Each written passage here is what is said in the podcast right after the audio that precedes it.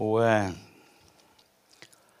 vet du, jeg har eh, helt eh, Ja, ikke ja, For å si det kanskje på 2022-måten Jeg har gleda meg helt sykt til å dele dette her med deg i dag. Og jeg har vært fram og tilbake. Liksom Hva er det som passer på en, på en, søndag, og hvem er det som kommer, og hvem er det som trenger det, osv. Men jeg har konferert med, med eh, både Guri og Simon, Det høye råd, så, eh, og fått go for, for dette her. Eh, jeg regner med at du har med deg en bibel så lenge du har en mobiltelefon. Så jeg regner med at de fleste der inne har en bibel på mobiltelefon. Skal vi slå opp i Markus 4 på mobiltelefonen? De som kjenner meg, vet at jeg har en forkjærlighet for papirbibler. Eh, fordi det er mye lettere med en rød blyant å notere og understreke gode vers eh, i papirbibelen enn det er på mobilen. Det kommer til å bli veldig grisete og rart etter hvert. Og det er ikke sikkert de røde strekene du satte på under det bibelverset, passer på det neste som kommer opp på mobilen. Så eh, Ta imot et råd fra en eh, voksen mann. At uh, Sørg for at du har en papirbibel tilgjengelig. En god oversettelse. Jeg anbefaler gjerne den fra Bibelselskapet 2011-oversettelsen. Uh, men så kan du sammenligne den med andre. Men uh, det her som vi skal lese nå, er i forhold til Simon prøvde å skru opp forventningen her. og det gjorde han med, med rette. Men det er noe med det å være mottagelig, reseptiv, innstilt på at dette her skal jeg få noe ut av. Det gjelder ikke bare å komme i kirka og høre på gudstjeneste og, eller høre på talen i gudstjeneste, det gjelder i det hele tatt. Uh, det er det samme hvis du sitter på forelesning, eller når du sitter på forelesning på universitetet. Sitter du med håndbrekket på og liksom bare disser ned foreleseren, så kommer du til å gå ut med et resultat deretter. Eh, samme er det i omgang med, med mennesker. Ah, trøtte typer. Ok, da blir de trøtte typer. Men eh, hvis du kommer med en åpenhet om at eh, folk har noe å bringe inn i ditt liv, berike tilværelsen din, så vil du oppleve eh, Og det her det er, ikke, det er ikke noe krutt som ikke er oppfunnet. Eh, det er ikke noe nytt som ikke allerede er sagt i Bibelen. Kanskje ting er bare omformulert. Men les det som står sammen med meg i kapittel 4, eh, i Markus. Eh, mange, mange, er det som har en bibel på mobil her inne? Ja, ja, ja, kjempebra. Eh, og Der kommer det først i vers 23 noe som er ganske innlysende, men det er ikke så innlysende som det høres ut til. Men det står om noen har ører med, og ører å høre med, så hør. Ja, Er ikke det en selvfølge? Nei. Er, noen har jo ikke hørsel i øra sine. Men alle sammen så eh, er det ikke sikkert at selv om vi har ører, at vi har en attitude, at vi har en holdning, at når noe blir sagt, når noe blir delt, når noe blir formidla, at vi virkelig får tak i det som blir sagt. Det det egentlig betyr her lytt når du hører. Lytt når du hører. Gi akt på det du hører. Og så kommer det et godt råd. Og han sa til dem, 'Pass på hva dere hører.' Det er veldig bra. Garbage in, garbage out. Hjernen vår, hjertet vårt, sinnet vårt, tankene våre, følelsene våre er som en, en disk på en datamaskin eller på mobiltelefonen din. Det du putter inn, er det som kommer ut, ikke noe annet. Så garbage in, garbage out. Pass på hva dere hører. Eh, og så kommer neste råd. For i samme mål som dere selv måler opp med, skal det også måles opp til dere, og enda mer skal gis til dere. For den som har, skal få. Men den som ikke har, skal bli fratatt selv det han har. Eh, så det, det, her handler om forventning. Det her handler om en holdning av å være mottagelig jeg sier ikke det for at du på død og liv skal være mottagelig i forhold til det jeg deler i dag. Men ta det som et godt råd uansett med på veien. Men det gjelder definitivt i forhold til Guds ord. Ikke bare det at jeg står her og deler noen i dag, men din egen bibellesning. Din egen omgang med Guds ord, som jo er mye viktigere enn eh, Selv om det er viktig å komme og høre på forkynnelsen og undervisningen av Guds ord, men din egen daglige, eller når du har tid, omgang med Guds ord, mottak av Guds ord. Da skal du bare vite i det. Når du åpner Guds ord, når du omgås med Guds ord, eh, så er det Den hellige ånd som var til stede, som skrev Guds ord, som inspirerte Guds ord, for vi tror alt ordet er inspirert av Gud. Han er til stede hos deg, i deg, over deg og med deg, og er klar til å full, eh, fullføre det som Jesus lovte, nemlig at Den hellige ånd skal veilede oss til hele sannheten. Så det er en dimensjon i det å omgås med Guds ord som er helt unik. Som ikke er i forhold til noen andre forelesninger og litteratur og pensum du, du omgås med. Amen. Så det har noe med å være mottagelig og være åpen. Så eh, kanskje du skal skru et par hakk til opp på forventningen her i dag og si at eh, jeg tror ikke det er tilfeldig at Gud vil at jeg skal være her i dag. Vi har slutta for lenge siden å tro på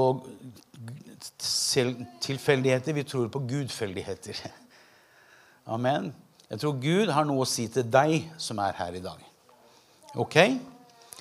Og eh,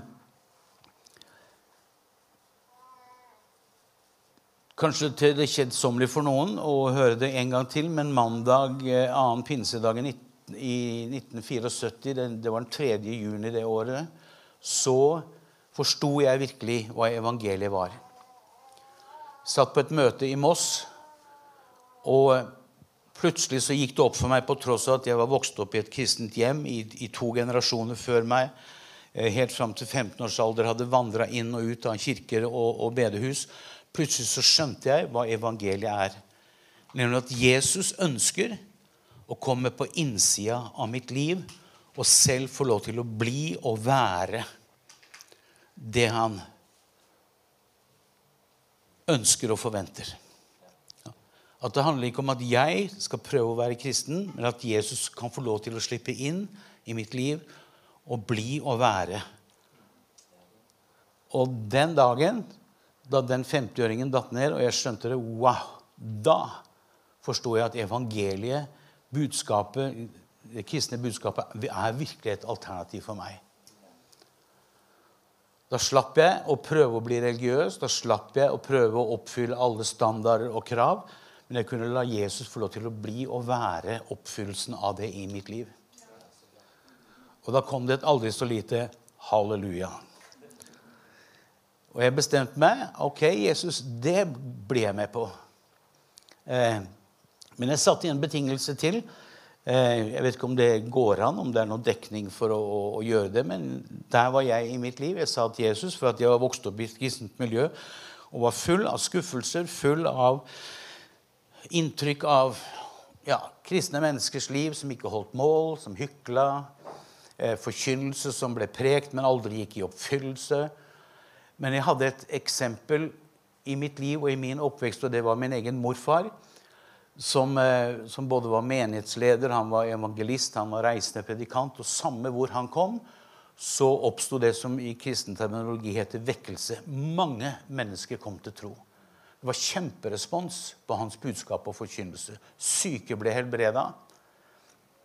Menigheten vokste osv. Og, og for meg som hadde vokst opp i kristen sammenheng, så visste jeg såpass om apostlenes gjerninger og de første kristne at dette her matcher morfar sitt liv og det jeg leser i apostlenes gjerninger. Så jeg sa til Gud den kvelden jeg tok imot Jesus der i Moss i 1974, så sa jeg det her er på én betingelse. Det kristenlivet som du nå utfordrer meg til å begynne å leve, at du skal få komme inn i meg, det må ligne på det som morfar levde, og det må ligne på det som står i apostlenes gjerninger. Jeg vil ha the real thing. Jeg orker ikke mer religiøsitet, jeg orker ikke mer hykling, jeg orker ikke mer kristne som sier en ting og lever på en helt annen måte. Og Gud er grei. Gud tar oss på ordet. Så fra dag én så ble jeg bare leda inn i kristne miljø Eh, jeg bodde på Østlandet. Eh, hele Norge, hele Skandinavia, hele den vestlige verden sto i fyr Fordi det hadde oppstått noe i etterdønningene av hippiebevegelsen på 68-tida eh, som ble kalt Jesusvekkelsen. The Jesus Movement. Utrolig mange, tusenvis av unge mennesker kom til tro på Jesus over hele verden. Eh, og omkring den samme tid så skjedde det en åndelig oppvåkning i alle kirkesamfunn. Jeg sier alle kirkesamfunn som ofte blir kalt den karismatiske vekkelsen. Nemlig det kommer et fokus på hvem Den hellige ånd er, hva han ønsker å være iblant Guds folk og i den enkelte troendes liv. Og dette her pågår enda. Vi, Guri, jeg var på reise i sommer i, i Tyskland og Østerrike med et kristent reisefølge for å se dette kjente spillet i en landsby i Tyskland, i Tyrol-området, som heter Oberammergau, heter den byen. Der var vi.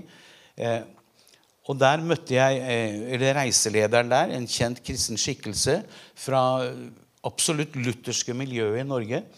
Eh, han lever enda i den opplevelsen av å bli fylt med Den hellige ånd og døpt i Den hellige ånd. At nådegaver, som du leser om i, i apostlenes gjerninger, i, i Paulus sine brever eh, Han lever fortsatt i det som starta for hans del der på begynnelsen av 70-tallet.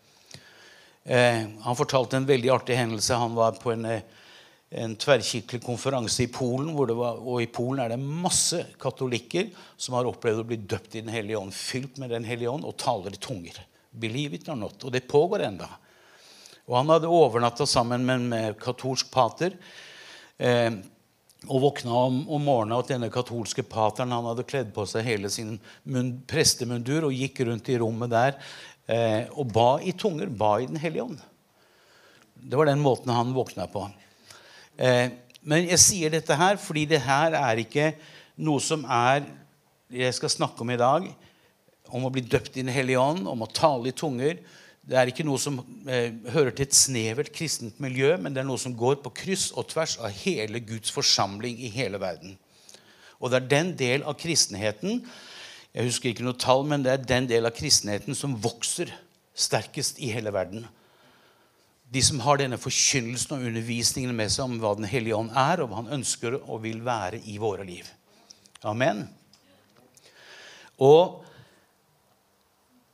for meg som gammelpastoren i huset her, men også som en bror som ønsker å gå ved sida di Eh, i ditt kristne liv så er dette noe av det aller aller viktigste jeg ønsker å formidle til deg. Nå drar jeg på ferie om 14 Ikke på ferie, men jeg drar på ut i misjon. Eh, om 14 dager. Guri jeg vil jobbe på Gran Canaria. Leder for den eh, skandinaviske turistkirken der og blir der til over påske. Så nå slipper du å høre noe mer fra meg. Men det siste du hørte fra meg før jeg dro, det var det du får i dag. Eh, jeg regner jo med jeg kommer tilbake hvis ikke sola har brent meg opp. Eh, men eh, husk nå i alle fall dette her, da. Eh, I Johannes 4,14 eh, Du får ikke dette opp på skjermen. Det kommer ikke noe opp på skjermen enda før jeg sier ifra. Men Johannes 4,14 bla gjerne opp på din mobilbibel eller papirbibel og les sammen med meg det som står der i Johannes 4,14. Jesus eh, er i samtale med den samaritanske kvinnen, en dame som var ute for å hente vann, men hun fikk mer enn vanlig vann. Eh, Jesus sier til henne, men, vann, men den som drikker av det vann jeg vil gi ham, skal aldri tørste mer. Det vann jeg vil gi ham, skal bli i ham en kilde. Og det har med seg betydningen Det er ofte slik at norsk det er ikke like rikt og nyansert som eh, Bibelens, eh, eller det språk Bibelen ble skrevet på på gresk og hebraisk. Men derfor så er jeg veldig sånn til å snoke i, i eh, bibeloversettelser og forklaringer og kommentarer. Og ikke minst ned i det greske og, og hebraiske. For at det skal bli i ham en kilde konstant og permanent. En kilde i ham med vann som veller, veller Det høres jo plopp, plopp, plopp, plopp men det står faktisk 'fosser fram og gir evig liv'. Slik at det er virkelighet før og nå når du tar imot Jesus. Og for meg har det definitivt vært det. altså. Her var det tørt, og det var lite bobling. Eh, men jeg tok imot Jesus, og jeg opplevde at det ble, det ble forløst, eller jeg kom i kontakt med en kilde som virkelig veller fram. Som fosser fram. Det kom et helt nytt liv. En helt ny dimensjon i mitt indre menneske. Eh, La oss hoppe til kapittel 7 i Johannes evangelium. Vær så snill, bla opp sammen med meg.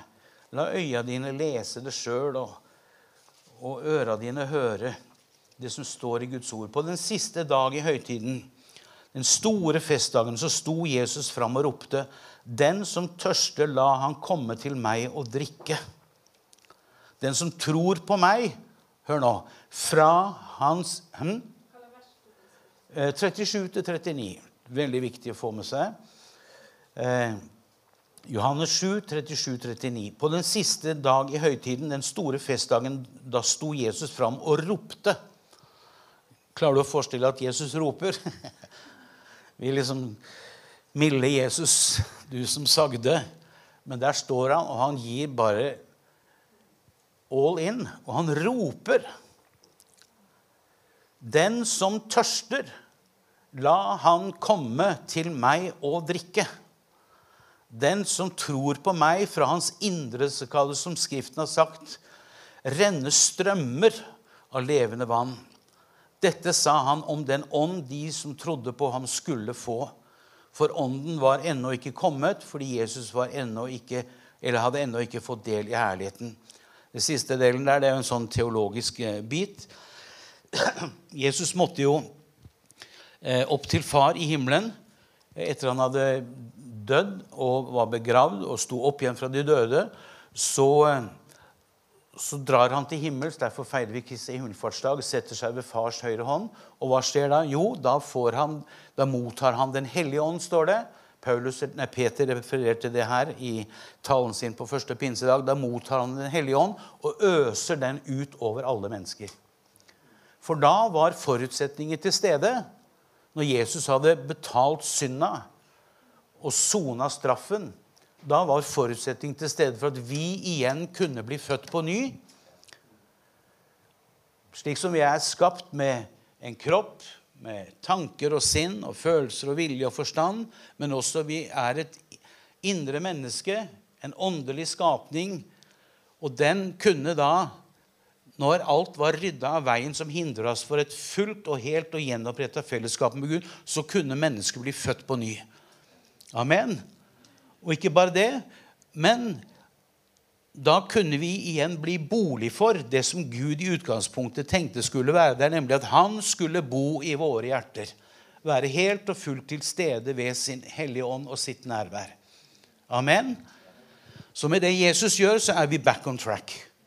Da er forutsetninger til stede for at det kan skje, som Jesus snakker om, som vi allerede har lest om i kapittel 4 og kapittel 7 i Johannes evangelium, at eh, det vann jeg vil gi ham, altså et uttrykk for Den hellige ånd, skal bli i ham en kilde permanent og konstant som bare fosser fram og gir evig liv. At skal det, skal, det, skal, gi deg en opplevelse av at fra ditt indre så renner det strømmer av levende vann. Eh, hvis vi går sammen til eh, Så bra at du følger med på din eh, digitale bibel. Eh, la oss gå videre til Johannes evangelium, det 14. kapittel. God help me. Der står det i kapittel 14 og fra vers 15. Når jeg har ordet på søndagsgudstjenesten, så er det veldig ofte i form av undervisning eh, og gode råd fra en gammel mann. Eh, så tillat meg at det er litt sånn undervisningsstil her i dag. Er det greit? Ja.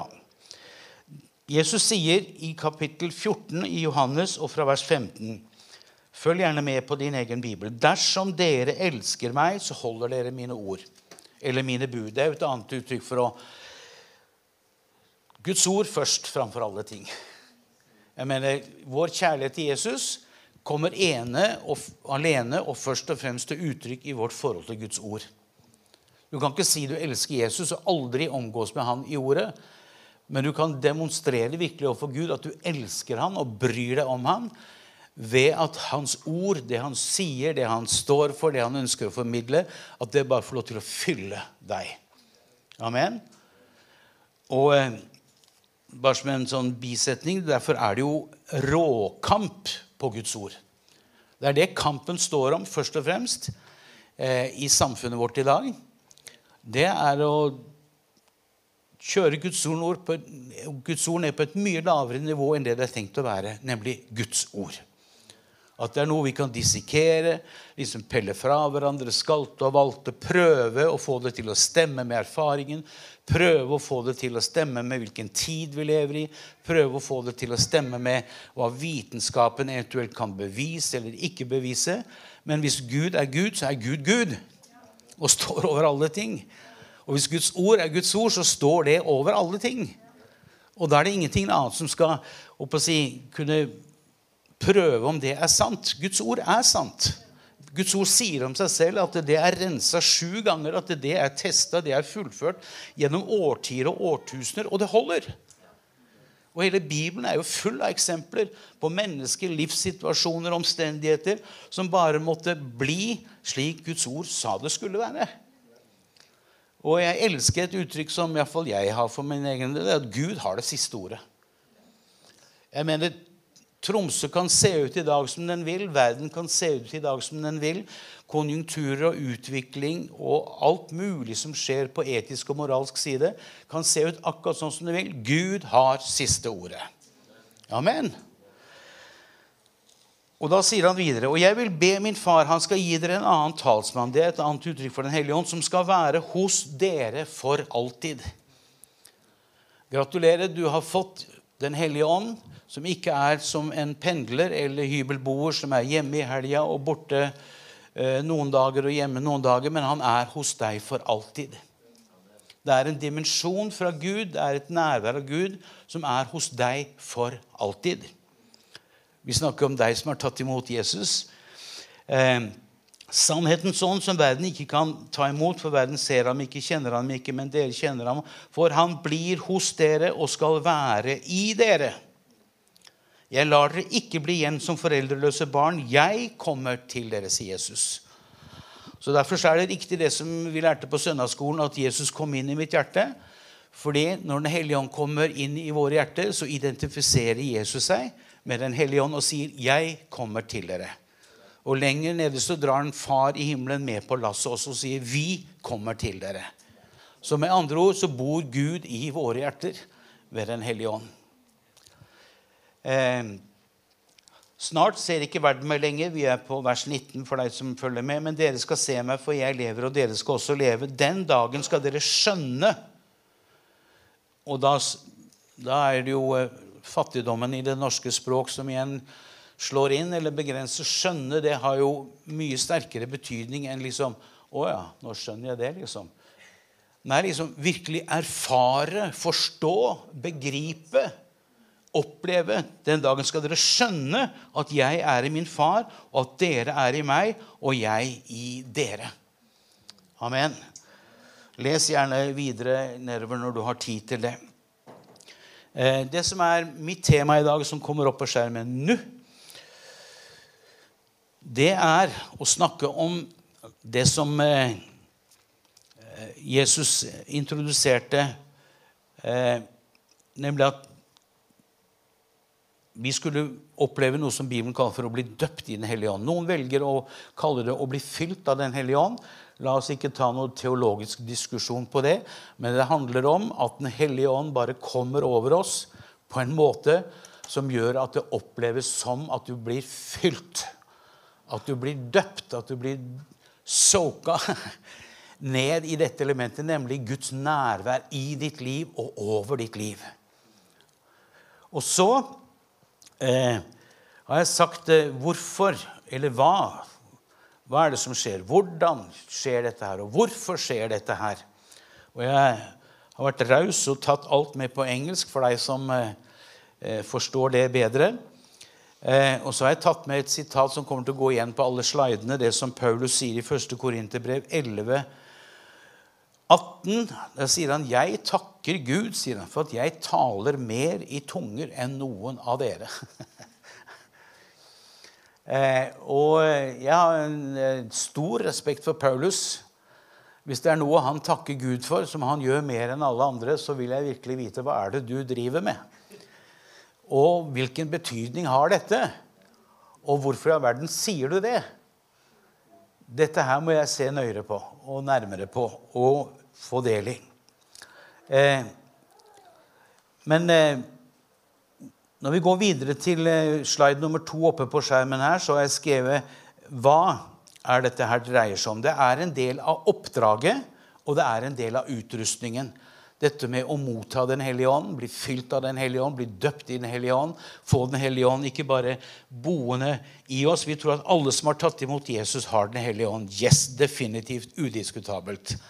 Men det er en dimensjon av å bli fylt med Den hellige ånd. For Den hellige ånd er ikke en, en, en upersonlig kraft, en vind, et eller annet fenomen. Den hellige ånd er den tredje personen i guddommen som representerer fars og Jesu nærvær i våre liv.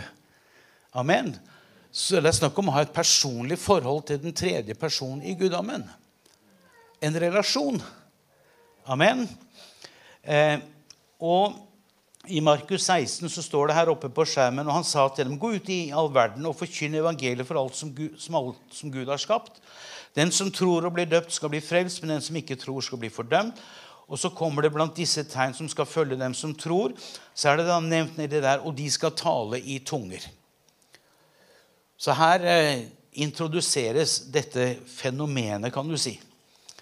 Og eh, når du går til neste slide at Hva er det som skjer? Jo, vi får oppleve det som, eh, som Jesus lover i apostlenes gjerninger i det første kapittel. Men dere skal få kraft når Den hellige ånd kommer over dere. Og dere skal være mine vitner. Så det det er snakk om, det er å oppleve det som Jesus muliggjorde ved sin død og sin oppstandelse. Og ved det at han satte seg ved fars høyre hånd, nemlig at Den hellige ånd som ble utøst over alle mennesker, gjør et mirakel, et underverk i våre liv og føder oss på ny. Og vi blir bolig for Guds nærvær ved Den hellige ånd inne i oss. Amen. Eh, så det er den ene av to like viktige sider, nemlig at Guds nærvær ved Den hellige ånd igjen kommer til og blir hos oss og er mellom oss og, og, alle sider ved dette her. Men også at dere skal få kraft til å være vitner. Eh, den som har vært på gudstjeneste de siste søndagene, så har det vært eh, av en eller annen grunn gjentagende vært inne på dette menneskers opplevelse av hvordan de ble døpt eller fylt med Den hellige ånd, og hvordan det resulterte i at det forløste fra deres indre, fra deres hjerte, eh, et nytt språk i, i bønn, som Bibelen kaller for tungetale, eller bønn i ånden, lovprisning i ånden osv. Eh, Guri fortalte da hun forkynte her eh, om det var forrige, ja, det var forrige søndag, at hun, hun vokste opp eh, eh, i, i, et kristent miljø. Hun ble etter hvert ungdomsleder og fikk ansvaret for flere ungdommer. Eh, men hun, hun, hadde en desperasjon. Hun hadde en opplevelse av jeg har ikke noe å gi dem. Det var en dimensjon i hennes trosliv, i hennes forhold til Gud, som hun bare kjente at det er noe jeg mangler og bestemte seg for hver morgen å, å, å stå tidligere før hun gikk på skolen på gymnaset, og be til Gud om kraft. Gud, jeg må ha kraft, sånn som du snakker om. Og Det endte med at det kom mennesker på besøk i den menigheten hun vokste opp, som hadde det som de kalte for Helligåndsseminar. Undervisning, forkynnelse og vitnesbyrd om deres møte med Den hellige ånd. Hvordan Gud forandra alt da de ble døpt i Den hellige ånd, eller fylt med Den hellige ånd. Og, og, og, det ble forløst fra deres indre, det som Jesus snakker om. Strømmer av levende vann. Kilde som bare veller fram. Den dagen representerte en endring i Guri sitt liv. Og hun fikk den kraften til å vitne. Kraften til å følge Gud. En opplevelse av Guds nærvær i sitt liv. Jeg tok imot Jesus i 1974. Da var jeg 21 år gammel. Eh, og det gjorde jeg da, som jeg nevnte, på betingelsen at, at Gud førte meg inn i det livet som morfar levde, eh, og som jeg så i apostlenes gjerninger. Og umiddelbart når jeg tok imot Jesus i 1974, så kom jeg i kontakt med det miljøet som het Jesusvekkelsen i Oslo. Det var bare sprengfullt hver søndag i Trefoldighetskirken. Vi snakker om 50 år siden. Det var sprengfullt hver søndag i Trefoldighetskirken. Den tok mange hundre eh, ungdommer som bare satt i benker på gulvet, i trapper overalt, og bare sang lovsanger til Jesus. Og bare digga det å ha blitt frelst. Eh, og Samtidig parallelt så skjedde jo da denne Hellige Ånds oppvåkning og vekkelse i alle kirkesamfunn. Vi snakker om alle kirkesamfunn. Det var ikke et kirkesamfunn i Norge og i den vestlige verden som var uberørt av det som Den hellige ånd gjorde. Og jeg kom midt oppi dette her. Eh, og jeg var helt desperat hver gang jeg hørte at det var noe som underviste om eller forkynte eller det skulle prekes om, om Den hellige ånd og det her som ligna på det jeg snakker om som skjedde i Apostelen, så var jeg der, altså. Jeg trålte kristne antikvi antikvitetsbutikker som solgte bøkene for å finne litteratur. Jeg var innom alle kristne bokhandler jeg måtte ha tak i. Jeg var så tørst. Jeg var så lengtende. Og jeg hadde tatt imot Jesus på én betingelse, at jeg kom inn i det livet som morfar levde, og som, den, eh, som jeg så i apostlenes gjerninger og blant de første kristne. Hvis ikke jeg fikk tak i dette her, så var det tilbake og ut av det hele. Altså. Men Gud er trofast. Og Gud ønsker at du virkelig skal ha maks av det han har muliggjort og har lovt oss. Amen. Kraft til tjeneste. Eh, så det er liksom hva, hva, er det for noe, dette her? Jo, det er Guds nærvær. Det er Guds utrustning. Også på, på slide nummer eh, fire eh, Så hvordan skjer dette her? Første gangen dette her tar plass, og så skjer det jo noen ganger på samme måte utover i apostlenes gjerning, men første gang dette her skjer, det er når eh, disiplene har tatt Jesu oppfordring å bli værende i Jerusalem helt til de får det som far hadde lovt. Eh, ikke forlate plassen, ikke prøve å gå ut i egen kraft og være og bli og gjøre det som Gud hadde tenkt. Men vente til Den hellige ånd kom. Og så sitter de der, 120 pluss pluss og så skjer det at da pinsedagen kom, var alle samla på ett sted. Plutselig lød det fra himmelen som når en kraftig vind blåser, og lyden fylte hele huset hvor de satt. Tunger som av ild viste seg for dem og delte seg og satte på hver enkelt av dem. Da ble de alle fylt av Den hellige ånd, og de begynte å tale på andre språk ettersom ånden ga dem å forkynne. Eh, så på neste slide så har du noen bibelhenvisninger. Eh, og bl.a. gjengitt at når Peter da eh, forkynner evangeliet, han forkynner det jo for mennesker som ikke har jødisk bakgrunn, så skjer dette her igjen at mens han forkynner Guds ord, så faller Den hellige ånd, og så kommer akkurat det samme fenomenet som skjedde på første pinsedag, nemlig at de som tar imot Jesus og blir døpt eller fylt av Den hellige ånd, de begynner å tale i nye tunge. Ut ifra sitt indre begynner å lovprise Gud og tilbe Gud. Eh,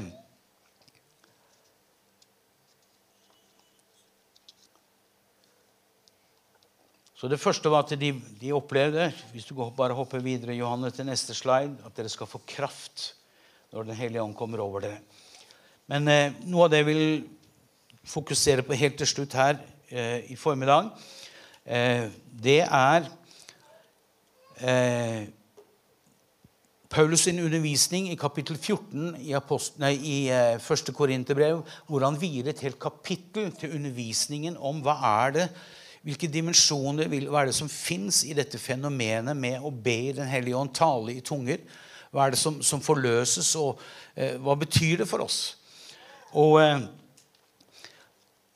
Det første som du ser her på, eh, eh på neste skjerm her, det er at eh, tungetalen slik som den forekom på, eh, på første pinsedag, det var nemlig en lovprisning av Gud som var forståelig for andre mennesker som var til stede. Det er én side ved det. Det var folk samla fra hele den daværende verden eh, for å feire pinse i Jerusalem. Og plutselig så hører de eh, disiplene som blir fylt av Den hellige ånd og døpt i Den hellige ånd. De hører mennesker prise Gud på sitt eget språk. Så det er én side ved dette her. Eh, og så, hvis du følger Paulus' undervisning i kapittel 14 eh, om hva bønn i ånden, lovprisning i ånden, tungetale, bruk av dette her, hva det er, så sier han videre at det, det er bl.a. en personlig lovprisning. Du kan ut ifra ditt hjerte, ifra din ånd, hvor dette under og miraklet nå har skjedd, at Den hellige ånd har tatt bolig og, og, og fyller deg, så kan du ut ifra ditt innerste menneske lovprise Gud, tilbe Gud. Eh, og det her gjør at det er uten begrensning, og du til enhver tid.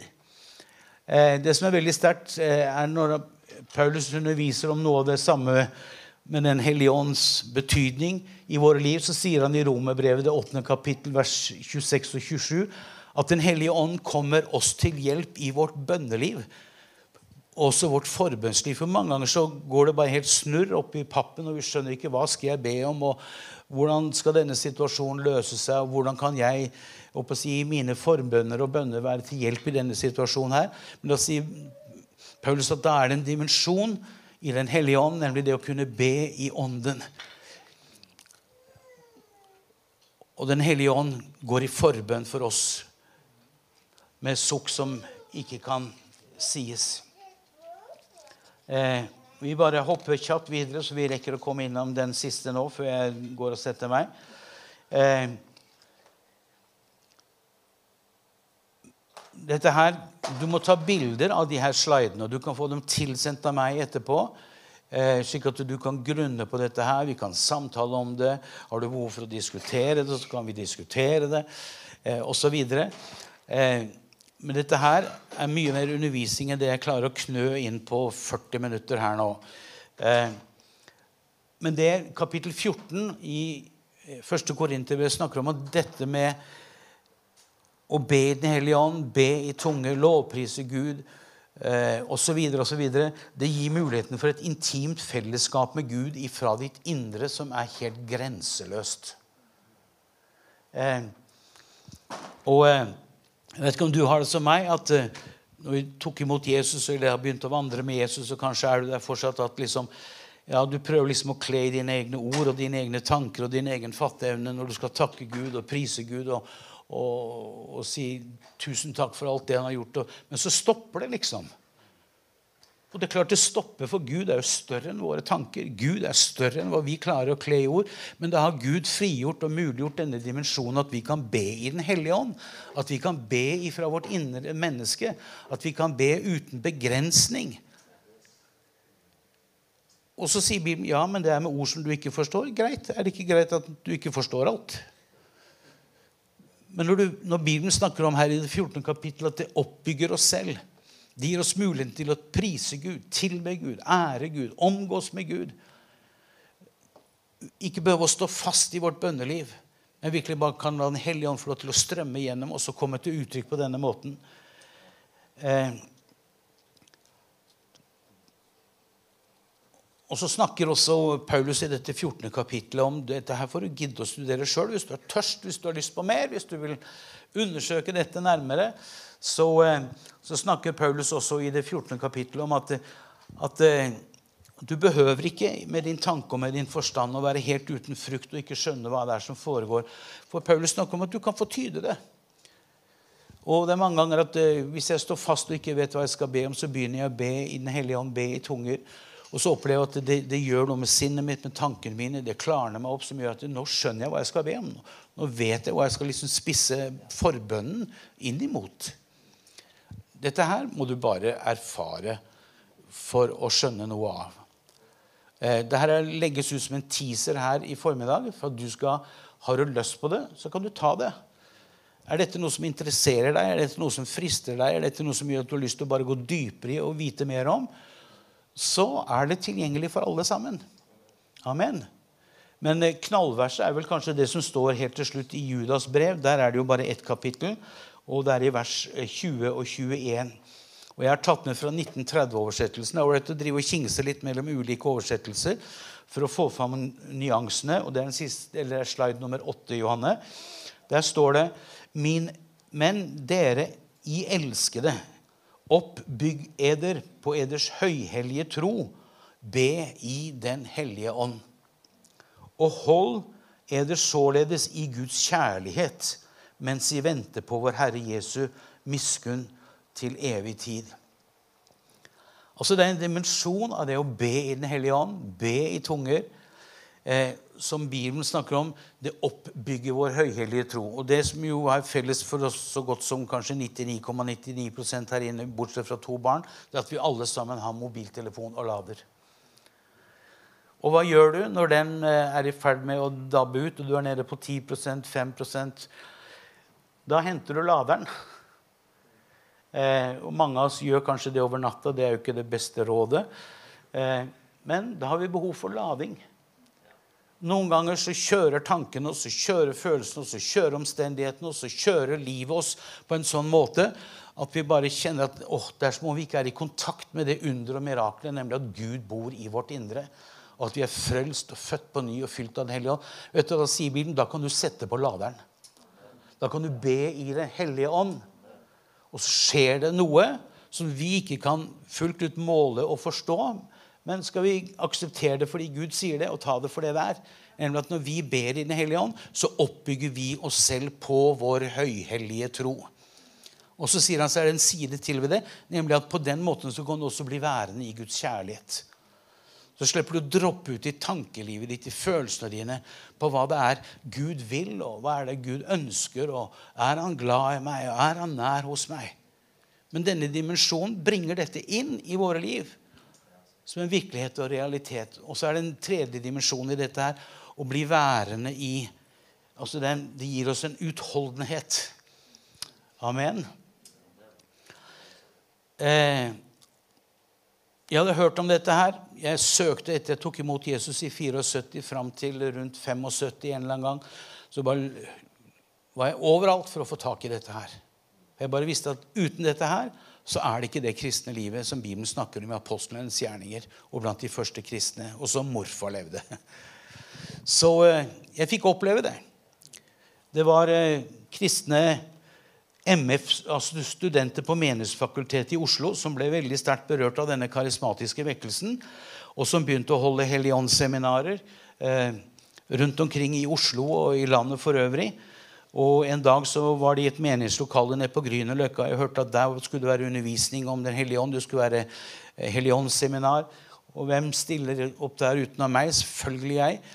Og lytter til undervisningen. Og så sier de den som vil oppleve dette her og bli døpt i Den hellige ånd, fylt av Den hellige ånd, begynne å tale i nye tunger og oppleve denne dimensjonen friord, de kan bli med ned eh, i forbønnsrommet. Og jeg blei med ned.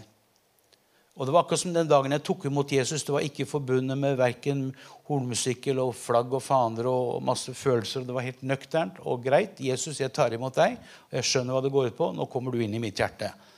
På samme måte var det den dagen jeg fikk den undervisningen om dåpen i Den hellige ånd. Sånn som jeg har prøvd å formidle noe av det i dag. Jeg sa til Jesus ok, du har sagt at den som ber om brød, den får ikke stein. Den som ber om fisk, den får ikke slanger. Men den som ber om Den hellige ånd, den får Den hellige ånd. Så de la hendene på meg og ba for meg, og jeg fikk Den hellige ånd i tro. Amen. Nøkternt og greit. Reiste meg fra stolen og sa ja, nå har jeg opplevd å bli døpt i Den hellige ånd og fylt av Den hellige ånd. That's it. Ja, men Var det alt da? Nei. For alle de første som opplevde dette, her, så kom jo det å tale i tunger som et tegn, et påfølgende tegn. Dagen etterpå så sto jeg oppe i Theresegate, rett sør for, eh, eller nord for Bislett, mellom Bislett og Ullevål sykehus. Venta på elvetrikken. Skulle ned til byen og ta toget videre til Asker.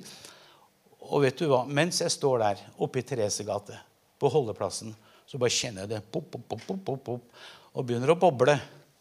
Nå skjer det noe på innsiden her som er, jeg aldri har vært med på før. Det er akkurat som det kommer ord, det kommer lyder.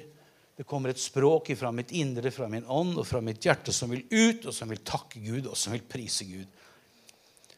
Eh, og det var ikke liksom sånn Å, nå skjer det, liksom. Nei, like nøktern som jeg tok imot det. Så jeg kikka meg selvfølgelig rundt, så hvor mange som var på trikkholdeplassen. Og så prøvde jeg Begynte å sette ord på det som forma seg i min ånd og i mitt indre. Og dette her var jo artig. Jeg begynte jo å flire. Jeg ble glad av det. Jeg kjente at i dette her så er det jo kraft, altså. I dette her så er det jo eh, Det skjer jo ting. Og så kom jeg ut til Asker. Jeg skulle på jobb. Jeg jobba på Dikemark sykehus. Og eh, bodde på hybel der ute og skulle inn og skifte før jeg skulle opp på avdelingen. Og jeg tenkte jeg tar turen rundt eh, over jordet, for der er det ingen som hører meg. Da kan jeg klemme litt til og prøve dette her. Og var ute på jordet. Og gikk der ute og talte i tunger. Og ble enda gladere. Og bare kjente at dette her er jo power, altså. Og så har det fortsatt. Amen. Gud den hellige ånd er her til stede. Vil du ha det, så får du ta det. Amen.